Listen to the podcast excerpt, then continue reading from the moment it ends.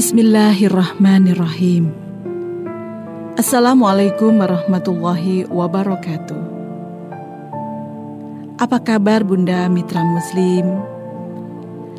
Dalam pekan hari ini kita bertemu kembali dengan saya Evi Sylvia Zubaidi dalam renungan Bunda. Kali ini kita bertemu untuk berbincang-bincang kembali untuk membicarakan hal-hal yang berurusan dengan kehidupan sehari-hari kita. Kali ini, izinkan saya mengangkat sebuah topik yang sangat dekat sekali dengan kehidupan kita, yakni tentang pujian. Sebelum kita masuk di dalam pembahasan tentang urusan-urusan pujian ini, izinkan saya menukil sebuah kisah yang sangat indah di mana kisah ini kita akan belajar bersama-sama bagaimana seharusnya kita bersikap. Dalam sebuah kisah, seorang ibu tersenyum kepada istri anaknya setelah mereka menghabiskan waktu bulan madu. Ibu tersebut berkata, "Kamu telah berhasil membuat anakku rajin sholat di masjid dalam waktu 30 hari." Padahal aku sudah mengingatkan dia hampir 30 tahun. Tapi ia tak kunjung sadar. Seketika itu pula air mata si ibu mengalir deras. Istri anaknya berkata, Wahai ibu, apakah engkau pernah mendengar kisah batu dan harta karun? Dihikayatkan, ada sebuah batu yang menghalangi jalan manusia Kemudian ada seorang laki-laki yang secara sukarela ingin menyingkirkan batu tersebut. Ia mengambil kapaknya dan mulai memukuli batu tersebut sampai pada pukulan yang ke-99. Batu itu tak kunjung hancur. Ia pun lelah dan beristirahat. Ketika sedang istirahat, lewatlah seseorang dan menawarkan bantuan kepadanya untuk menghancurkan batu tersebut. Orang itu mengambil kapak dan memukul dengan sekuat tenaganya. Ternyata batu tersebut hancur berkeping-keping dengan satu kali pukulan. Tanpa disangka oleh keduanya, ternyata di bawah batu tersebut ada sekantung emas. Orang kedua mengatakan, "Ini milikku karena aku yang menghancurkan batu tersebut." Keduanya pun bertengkar sampailah perkara mereka di hadapan hakim. Kemudian hakim memutuskan bahwa 99 bagian emas tersebut untuk orang pertama dan satu bagian untuk orang kedua. Hakim tersebut berkata, Hai Fulan, engkau bisa menghancurkannya karena 99 kali pukulan temanmu. Kalau tidak, niscaya kau pun tak akan bisa menghancurkannya. Lalu wanita muda itu berkata kepada ibu mertuanya, "Wahai engkau ibu, sejatinya telah menaruh pondasi tersebut satu persatu, hingga tersisa satu lagi yang kemudian aku yang menyempurnakannya. Aku tidak memiliki apa-apa dalam menyadarkan anakmu. Engkaulah yang berjasa kepadanya."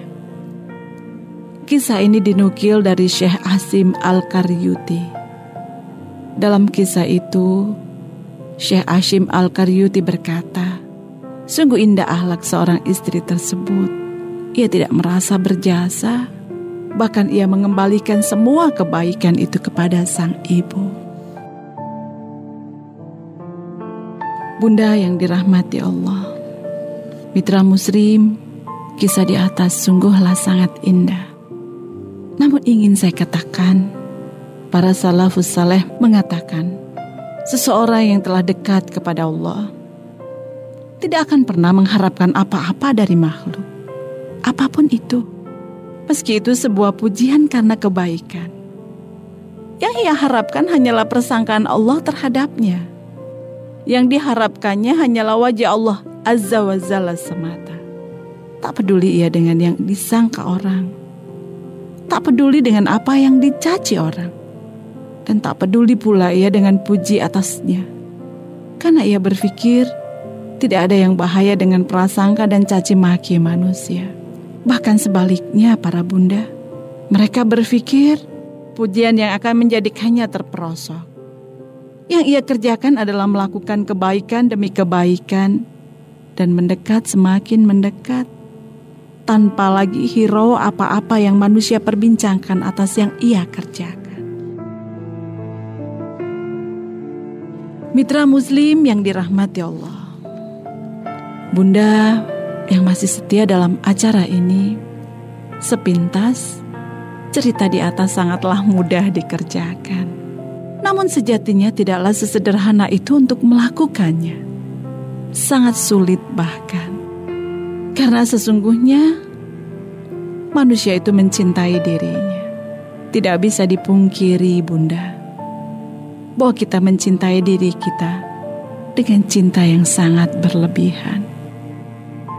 Karena sesungguhnya manusia itu suka menampak-nampakkan kebaikannya. Dan manusia itu sesungguhnya mencintai pujian. Tabiat manusia itu adalah suka menampak-nampakkan kebaikan dan menyembunyikan keburukan. Sehingga para orang-orang alim itu mengatakan, pecinta dunia itu pasti menyukai pujian dan takut akan celaan. Masya Allah. Kalau melihat kisah di atas para bunda, rasanya diri ini jauh dari baik. Karena kita masih sibuk harap-harap pujian orang atas kebaikan-kebaikan yang sedang kita kerjakan bahkan yang sudah kita kerjakan. Senang hati ini kalau apa-apa yang sedang kita kerjakan dalam bentuk kebaikan ditampak-tampakkan. Kenapa saya katakan bahwa dibanding dengan kisah wanita solihah di atas jauh diri ini dengan menjadi baik? Karena sejujurnya apabila kebaikan-kebaikan yang kita kerjakan dibicarakan oleh orang lain, terselip rasa senang di dalamnya. Rasanya tidak berlebihan kalau kali ini saya ingin menasehati diri saya pribadi sekaligus ingin berbagi kepada para bunda agar tidak tergelincir dalam keburukan yang menghancurkan ini. Karena sebenarnya yang diperintahkan kepada kita untuk senantiasa menyampaikan yang baik. Kolu salama. Artinya tidak menuntut penilaian orang lain. Tidak memerlukan respon orang lain terhadap kelebihan-kelebihan yang kita kerjakan. Dan sejujurnya, sungguh ini amatlah berat. Karena sejak kecil, kita sudah terbiasa terdidik untuk diapresiasi atas kebaikan-kebaikan kita yang sangat sedikit. Setiap kebaikan yang sedikit itu kita terbiasa diapresiasikan bahwa yang kita lakukan adalah hebat. Dalam sebuah kajian saya pernah mengatakan bahwa kesalahan fatal dalam kita mendidik anak-anak kita adalah kita menghujani mereka dengan pujian yang seharusnya kita menghujani anak-anak ini adalah dengan doa. Karena Rasulullah Wasallam ketika mengapresiasi para sahabatnya ketika melakukan kebaikan adalah dengan doa. Barakallahu laka fiha. Demikian pula kalau seandainya para sahabat beliau melakukan sebuah hal yang tidak baik, beliau tetap menghujaninya dengan doa. Semoga Allah menambah semangatmu. Masalahnya, kita dikepung dengan pola pendidikan di mana setiap sedikit kebaikan diapresiasi dengan pujian. Sehingga semua dari kita menjadi orang-orang yang gila pujian, bukan gila dengan doa. Mitra Muslim, Bunda yang dirahmati Allah. Kalau kita berkata jujur, sejatinya setiap kebaikan itu kita persembahkan untuk yang maha baik. Setiap kebaikan yang kita kerjakan, kalau kita niatkan dengan niat yang betul, dengan bismillah yang betul, dengan namamu ya Allah yang maha pengasih dan maha penyayang. Aku melakukan ini adalah untukmu, Artinya kita melakukan pekerjaan itu untuk zat yang maha baik. Yang pastinya hasil pekerjaan yang kita kerjakan adalah yang terbaik. Karena kita mengerjakan untuk zat yang maha baik para bunda. Namun masalahnya kita terlanjur salah. Kebaikan itu untuk orang. Kebaikan itu untuk diakui di mata manusia. Kebaikan itu untuk ditampak-tampakkan. Sehingga saya katakan bahwa pujian itu adalah menghancurkan keikhlasan. Sehingga kita melakukan kebaikan itu bukan lagi untuk sang halik. Tapi kita melakukan kebaikan itu adalah untuk diapresiasi. Ketika kebaikan yang kita kerjakan sunyi dibicarakan, meradang hati ini Ketika orang membicarakan kebaikan-kebaikan yang dikerjakan orang lain, membara dada ini. Dan celakanya, apabila hasil karya kebaikan kita diakui orang lain, diambil orang lain, siap berperang dan bertempur diri ini. Bahwa itu milikku. Tidak layak engkau menggunakan kebaikan yang sudah aku hasilkan. Bukankah itu yang sering kita ajarkan kepada anak-anak kita? Bukankah sering itu lingkungan itu mengajarkan kepada kita? Itulah Bunda. Kita masih terkecoh dengan dunia ini. Mati-matian kita hadapkan wajah kita ini untuk yang tidak kekal. Berpeluh, meradang, mengharapkan wajah dunia menghadap kepada wajah kita. Tidak salah kalau kita sering tidak bahagia karena salah kita meletakkan hati. Para alim mengatakan, apabila hati ini tersakiti, pasti ada yang salah dengan niatnya. Dan sangat dipastikan, begitu banyak pekerjaan-pekerjaan dalam bentuk-bentuk kebaikan yang ternyata kita salah niat. Mitra Muslim, tetaplah di saluran ini. Kita jeda sejenak. Kita akan bertemu lagi setelah pesan-pesan berikut.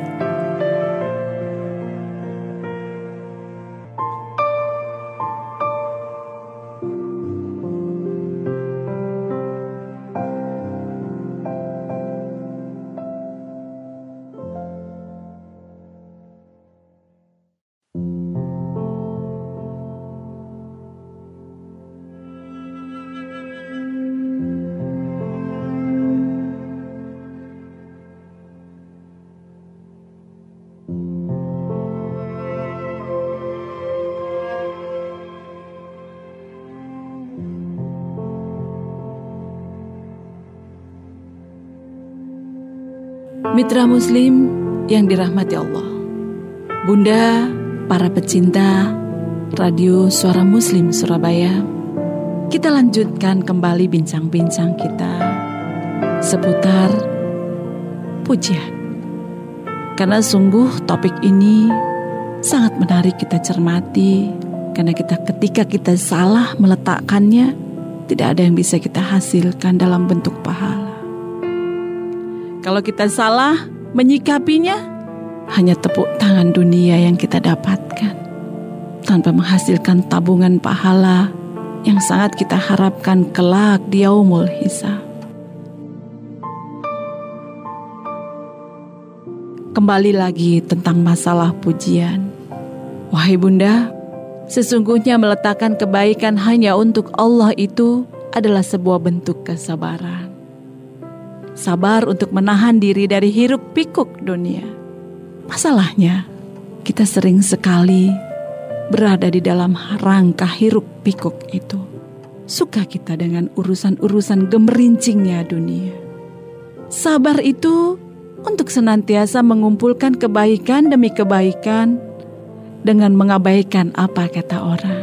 Karena sesungguhnya kalau kita menelisik dalam-dalam dalam-dalam hati kita, Sering kita takut dengan kata orang. Apa kata orang? Namun abai dengan apa kata Allah. Begitu pedulinya kita dengan kata orang. Sampai apa pun kita lakukan. Asal kata orang yang tidak kita suka itu tidak muncul. Namun abai kita dengan kata Allah. Sehingga itu mengganggu dan mengaburkan ketaatan-ketaatan kita kepada Allah Subhanahu wa taala. Sabar itu juga artinya membebaskan diri dari tuntutan dunia yang menyebabkan diri kita terpaksa bertopeng. Orang memuji kita itu karena dia tidak tahu siapa sebenarnya kita. Dan bahayanya pujian menjadikan kita percaya seperti apa yang dikatakan orang terhadap diri kita yang sebenarnya kita tidak memilikinya. Mati-matian kita melakukan sesuatu agar prasangka itu melekat di dalam diri kita. Berjalan di atas bumi ini dengan kebaikan karena tuntutan manusia adalah sebuah kecelakaan besar. Bukan karena kesadaran bahwa kebaikan itu adalah untuk diri kita sendiri yang kita kerjakan hanya untuk sang halik. Karena apa? Karena kuatnya wajah-wajah manusia menuntut kita untuk berpura-pura baik. Astagfirullahaladzim. Begitu sulitnya meletakkan sikap. Bahkan dari kebaikan pun bisa menimbulkan bencana. Selintas saya pernah mendengar sebuah nasihat yang dikatakan oleh Sayyidina Ali bin Abi Thalib. syukurilah kemampuan kalian membalas kejahatan dengan memaafkan. Karena memaafkan musuh yang telah bersimpuh adalah sebuah keajaiban. Ini yang dikatakan mengubur kebaikan. Bunda yang dirahmati Allah, menjadi pemenang tidak harus berdiri di atas podium. Pemenang sejati akan pergi sebelum tepuk tangan itu bergemuruh. Karena pemenang sejati itu tidak berurusan dengan apa yang dipikirkan manusia tentangnya. Karena yang ia pentingkan hanya bagaimana ia selalu dalam kebaikan dan kebaikan. Dan kebaikan itu menjadi kebaikan yang diterima robnya. Seperti kisah indah perempuan soleha di atas. Selintas, saya teringat sebuah nasihat indah yang sepertinya diperuntukkan untuk saya dan para pendengar suara muslim. Nasihat indah itu mengatakan, abadikan kebaikanmu dengan segera melupakannya dan menguburnya dalam-dalam. Wallahu alam bisawab. Bunda mitra muslim yang dirahmati Allah. Semoga renungan-renungan kecil ini mampu membuat lompatan di dalam diri kita untuk menjadi pribadi yang lebih baik di mata Allah. Mari kita peduli dengan apa pandangan Allah terhadap kita. Semoga renungan-renungan kecil ini menjadikan kita berhijrah, meninggalkan titik nol.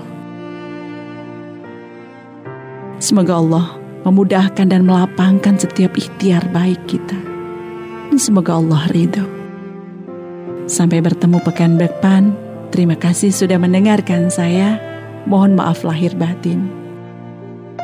Subhanakallahumma wa bihamdik ashadu alla ilaha illa anta nastagfiruka wa atubu ilaik. Assalamualaikum warahmatullahi wabarakatuh.